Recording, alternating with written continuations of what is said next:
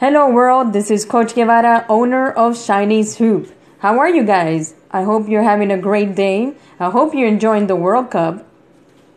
Colombia won today. Go Colombia. Episode 22, and it's also tip of the day how to improve ball handling skills. Want better handles?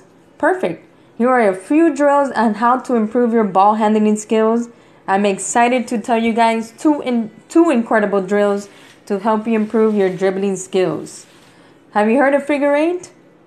If not, I will describe it in detail so you can get used to what the drill is about and show the young athletes how to implement it during practice. First step is knowing what a figure eight is. It's simply a movement between the legs. Take the basketball and pass it between the legs, one leg at a time while walking or jogging. This simple movement will improve your dribbling skills. Do this drill at least five times in practice and three times a week, and you will see tremendous improvement.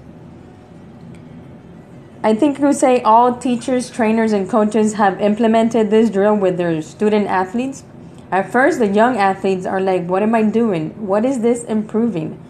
But at the end, they see the results and they love it. Another great simple ball handling drill to improve your ball handles is by pounding the ball by the ankle for 10 reps, followed by the kneecap. Repeat the 10 reps, and the last step is pound the ball by the hip 10 reps as well. This drill will not only improve your strength but your finesse with the ball. The athlete will not only have control of the ball but also strength. Two key components in basketball control and strength. If you have strength, that means the defender will not, ste- will not steal the ball from you.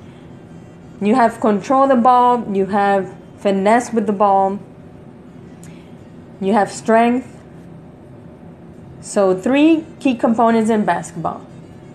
Hone your skills and try your best. I hope you enjoyed the tip of the day, practice hard, and now be happy to hear results. See you at the basketball court. This is Coach Guevara, owner of Shiny Soup. I'm out.